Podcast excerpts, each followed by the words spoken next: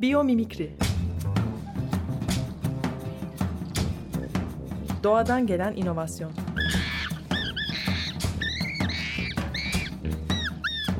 Hazırlayan ve sunan Zeynep Arhon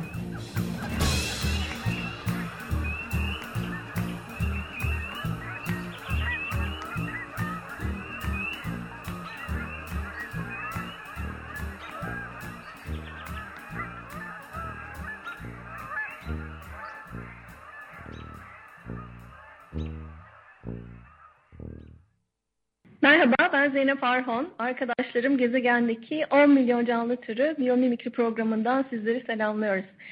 Bu haftaki konuğum e, Amerika Birleşik Devletleri'nin New York şehrinden Chris Garvin. Chris, sürdürülebilir tasarım dünyasında adı sıkça geçen mimarlardan, oldukça başarılı. Aynı zamanda biyomimikri uzmanı ve biyomimikri işinde kullanmada da son derece hünerli. Ee, birazdan kendisini daha detaylı tanıtacak bize. Diyalogumuz her zamanki gibi programın ilk bölümü boyunca devam edecek. İkinci bölümü de Chris'in cevaplarının çevirisini sizinle paylaşmak için kullanacağım. Hello Chris, welcome to the Biomimicry Radio Show. Thank you so much for joining me today. Thank you for having me. So I know a great deal about you and um, your work. Uh, you're definitely accomplished, and um, your name is very well known in the biomimicry community, and you're you're an active voice in the sustainable design community in the United States. Um, could you please tell us a little bit more about yourself? Of course. So I'm a trained architect, and I've been practicing architecture for over 20 years now. And about 12 years ago, I started really focusing on sustainability in a, in a deep level. And around the same time, I found biomimicry and started my journey in how to integrate sustainability and biomimicry and addressing climate change and um, human health and well-being sort of in the built environment, and everything from buildings to the way cities are designed. So what exactly attracted you to biomimicry? Well, I, I was as a child, I traveled a lot. Um, spent a lot of time in national parks around the United States, and you know, had a that natural affinity to nature, and was always fascinated by uh, natural systems and um, different ecosystems that I traveled through. And so I think there was a natural uh, connection to biomimicry because it sort of it, it combined my interest in nature and my interest in science and understanding how things work as an architect. We're always trying to, you know, build better buildings and build them more efficiently. And so a lot of that has come, comes down to understanding the physics of a building and how um, technologies function and how they function as part of larger systems. And in reality, nature is a is a perfect system that's always evolving. It's resilient and it's complex, but yet simple at the same time, and it's providing mm multifunctional values. And, and so in a lot of ways, I think being trained as an architect, it was sort of very easy to use the biomimicry lens to really um, understand the larger context of, of the planetary systems and how they apply to my work. Yeah, architecture is such a great background to step into biomimicry. It's a great combo. So, how do you apply biomimicry to your work? So we apply biomimicry in two specific ways. Um, I think the more maybe traditional or typical is um, working with companies primarily focused on the built environment, but not exclusively on improving products and processes using um, recent discoveries in the biological sciences. So mm-hmm. we work with research teams and manufacturers and develop these collaborations to solve uh, problems in the built environment or or just in general for our clients' um, manufacturing processes or um, improving the efficiency of a product to make it more sustainable to meet the needs of the marketplace. Um, mm-hmm, mm-hmm. We've heard of a lot of companies have you know, do that type of work and uh, we know some great successes that we all know about. Um, but in addition to that, we also um, take a systems approach to biomimicry to sort of rethink mm-hmm. how cities should function and how we can realign the way buildings are designed and operated and the way cities function with the ecosystem in which they inhabit. So really mm-hmm. you know, imagine in the future our building codes are actually based on the ecological functions and the ecosystem services of that place um, so that we can really align with the ecosystems of, of where we live and uh, within the boundaries of those systems so that we can be more sustainable. Yeah, yeah, we can fit um, fit in better, right? Um, so, would you like to um, share with us specific project that projects that you have completed, or you know some current projects you're working on in the biomimicry and architecture space? Sure. Um, we're working with a, couple I can share. On the product side, we're working with a research team, actually an international research team, really interesting group um, from the UK and from the US, um, trying to understand and mimic how uh, fungal combs in termite mounds in North Africa um, manage humidity. And that understanding we want to translate into a very low energy humidity control device for air conditioning systems for buildings. Um, oh, super, super interesting. Yeah. We'll reduce the energy consumption of buildings. We'll make them more resilient to power outages and other um, disruptions. Um, and we'll, so people will be safer and healthier um, at the same time. And you know, they're, they're depending on the, the capacity of the system, it might be able to uh, provide fresh water um, as mm-hmm. it pulls water out of the air. That air, that water will be very you know, clean. So that's one of our you know sort of long-term projects. Um, mm-hmm. We are also um, working with a, large corporation on um, improving um, mechanical systems, heating and cooling systems for buildings. Um, so that's an exciting new project that we just sort of kicked off recently. Uh, and then back at that second scale of the uh, the building or the, neighborhood, we're working with a company down in Georgia, looking at their factories and helping to realign how their factory factory functions to align with the sort of the ecosystem in which they work. Um, mm-hmm. And so we're hoping um, they have a large renovation addition um, effort occurring with these facilities over the next three years. And so we're hoping that part of that part of those efforts will be to sort of realign the building's operations to to, to more uh, accurately reflect the way the neighbor the right. ecosystem functions. Right. So at your company, Terrapin Bright Green, um, you have a vast experience in working with uh, corporations. How do they approach biomimicry? usually? Um, well, you know, I think when we're looking about large companies, um, you know, they are in, you know, competitive and they're trying to find a way to, um, you know, get ahead of their competitors and the other competing products in the marketplace. They're trying to get the attention of customers and solve their customers' problems. And and so I think you know the way they look at biomimicry is a is a market advantage and a way to think differently about how to solve the problem. Um, right. Our typical engineer, you know, a mechanical or electrical engineer has a, has a very linear um, methodology that they were trained to implement in their work.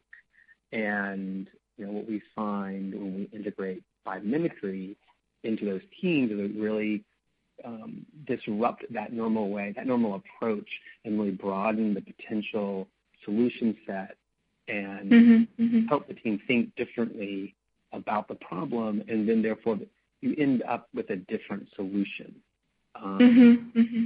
and you know, it, it, may be you know partially inspired by a natural um, strategy or system or organism, or it might you know, more accurately replicate a process mm-hmm. that occurs in an organism. But um, what we have found is that there's a consistent sort of um, helping those design teams or engineering teams really um, step away from the very specific problem they have to think differently about it and then and solve it in a, in a unique way. And that mm-hmm. u- unique approach then yields usually many, many benefits beyond just sort of, you know, uh, the, the main focus, which might be around energy efficiency. Well, it might also use less water and use less chemicals. So now it's non-toxic, it dries mm-hmm. fast, and it uses less energy. Um, you know, because nature is, is by you know is is multifunctional, um, and and that tends to be a, another sort of common theme we find when we work with clients. Is they they get more than they ask for, and so that that always makes uh, a client happy. yeah, yeah. I cannot think of any client who doesn't want to think the unthinkable, right? That's the that's the buzz phrase right now. So I guess looking at nature is a great way of doing that. Right, and, and you know, in, in a global world where you're you're competing against the smartest minds from around the world on a daily basis to, you know, um, you know, uh, say a, a leader in your in your industry, mm-hmm, you want mm-hmm. every option, you know, because if you don't have it, then your your competition might get it. And so I think that's also right. becoming more and more the case. Yeah, yeah.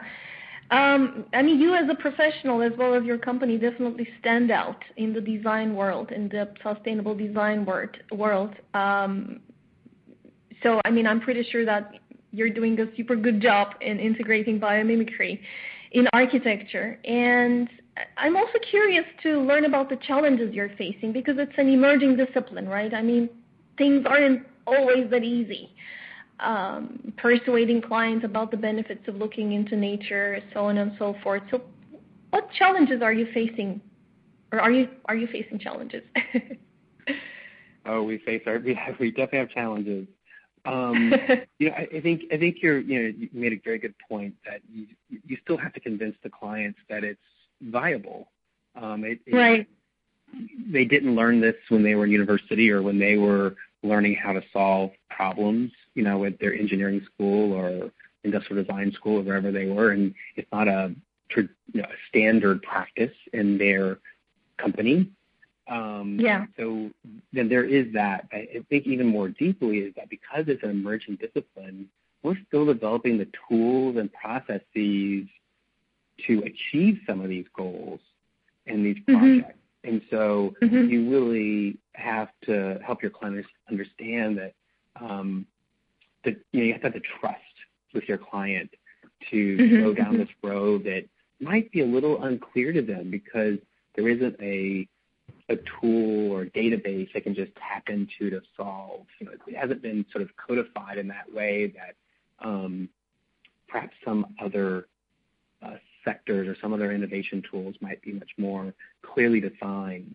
Now, there's a side benefit of you tend to uh, identify opportunities that may not have been um, visible because you are mm-hmm. sort of you know on the frontier of the effort. Um, and we, we find that our clients are very excited by that component of it too, that it is sort of a frontier effort.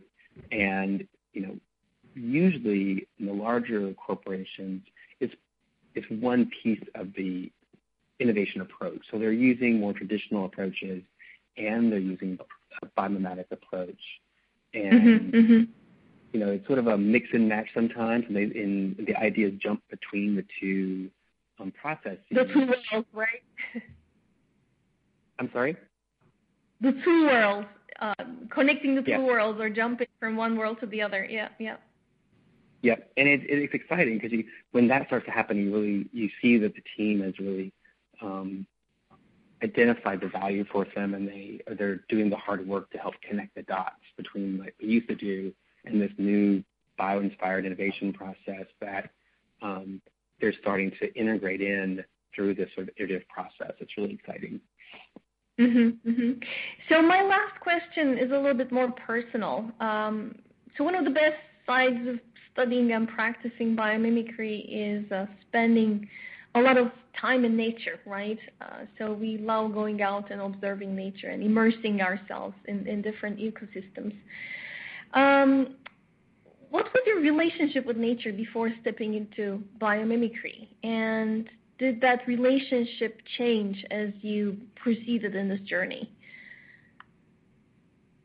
I've always spent a lot of time in nature, traveling. Um, I'm a avid scuba diver, so um, I, you know the coastal environment, whether it's a marsh or mangrove or a coral reef, um, mm-hmm. is always fascinating. Um, what I do find now is I will be looking at uh, an octopus and be amazed at its beauty, but then the next thing in my mind is, you know, how is it, how does it move that way? You know, why, how is it? Oh, interesting. Okay. I, I start asking sort of like these sort of functional questions um, about, you know, the wonder that I see. And so it's an interesting um, challenge because sometimes you want to turn off your your biomimicry brain and just enjoy the nature. right. Yeah, yeah. So octopus is one of Dana's favorite organisms, by the way. yeah, they're amazing. Yeah, yeah.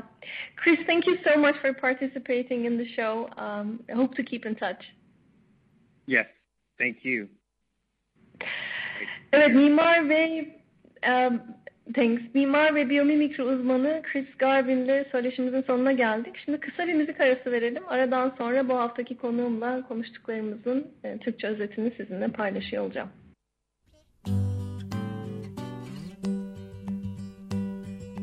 Blackbird singing in the dead of night Take these broken wings and learn to fly All your life were only waiting for this moment to arise.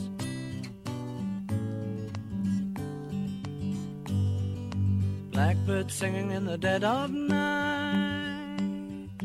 Take these sunken eyes and learn to see all your life. You were only waiting for this moment to be free.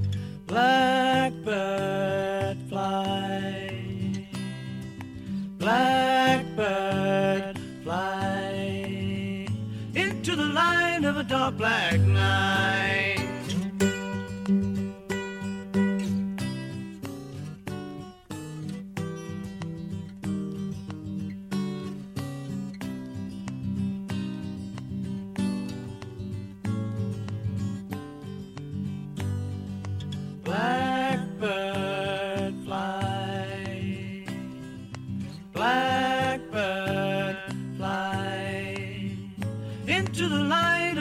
Black night.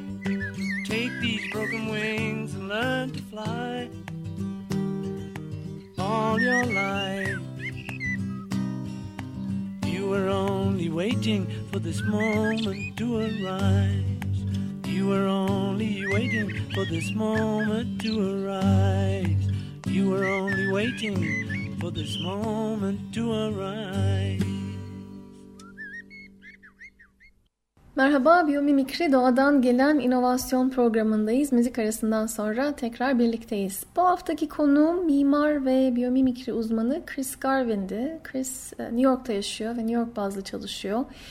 E, ismi Birleşik Devletler'de sürdürülebilir tasarım ve biyomimikri çevrelerinde çok çok iyi biliniyor. E, Chris yaklaşık 12 yıl kadar önce sürdürülebilir gelişim kavramıyla tanışmış ve çok da uzun olmayan bir e, süre sonra biyomimikri terimini ilk kez duymuş. Hem sürdürülebilir gelişimle ilgili olması hem de doğaya duyduğu ilgi onu biyomimikriye çekmiş. E, ve aldığı eğitimden sonra da biyomimikriyi mimari tasarım işinde kullanmaya başlamış. E, doğanın kendisini sürekli yenilemesi yani yenilenebilen e, büyük bir sistem olması e, Chris'in ilgisini çekiyor. Çünkü elindeki projelere de sistem düşüncesiyle yaklaşıyor. Yani sadece ürün süreç tasarımı üzerinde çalışmıyor fakat şehirler nasıl tasarlanmalı gibi daha sistem bazlı soruları da soruyor. Şehir planlamasında kullanılan kodlar, kurallar şehrin içinde yaşadığı ekosisteme göre nasıl şekillenebilir? E, bu gibi sorular e, çalışmalarının e, alanına giriyor. Yaklaşımını somutlaştırması için üzerinde çalıştığı projelerden bahsetmesi bahsetmesini istedim. Kurucusu olduğu, ortak kurucusu olduğu şirkette. Ee, ürün tasarımı tarafında uluslararası bir araştırma ekibiyle birlikte çalıştıklarından bahsetti. Birleşik Krallık ve e, Birleşik Devletler bazlı çalışıyor ekip. Mantar ve termit kolonilerinin simbiyotik ilişkisini inceliyorlar birlikte. Amaçları da düşük enerjiyle çalışan klimalandırma sistemleri yaratmak. E, bu sistemlerin yani pasif soğutma sistemlerinin ilk örneklerini doğadan öğrenen ilk örneklerini Zimbabwe'deki Eastgate binasında görüyoruz. E, biyomimikri dünyasında e, anlatılan başarı vakalarından. E, Chris Garvin ve ekibi bu uygulamaları e, daha da öteye taşımayı, daha da verimli sistemler yaratmayı hedefliyor.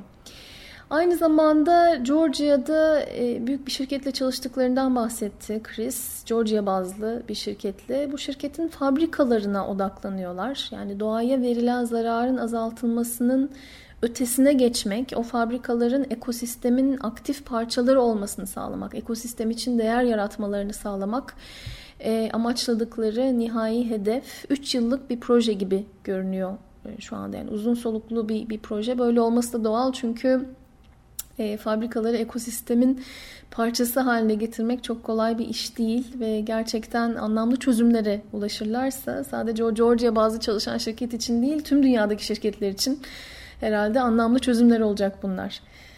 E, büyük şirketler nasıl yaklaşıyorlar biyomimikriye? Kendi deneyiminden biraz bahsetmesini istedim Chris Garvin'den.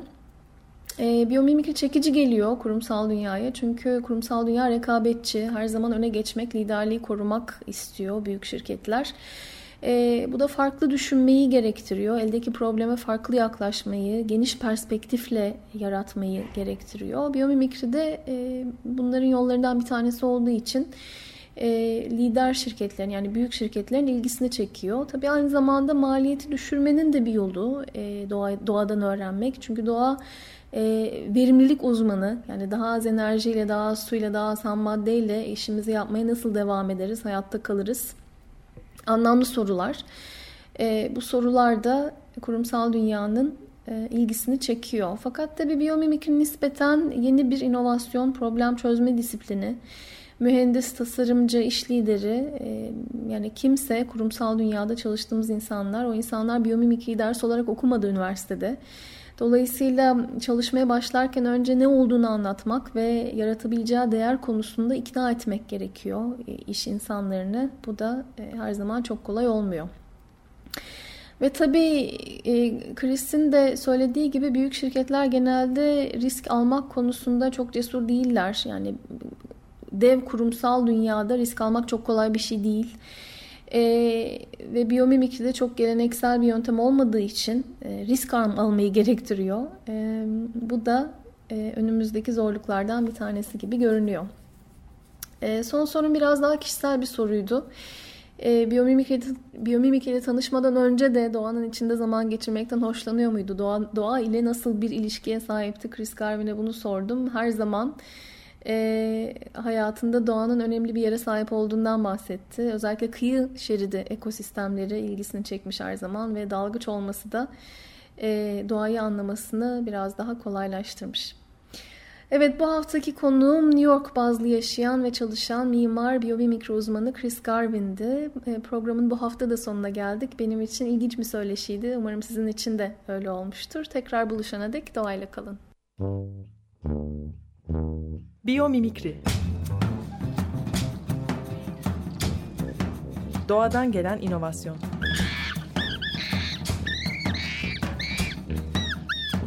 Hazırlayan ve sunan Zeynep Arhon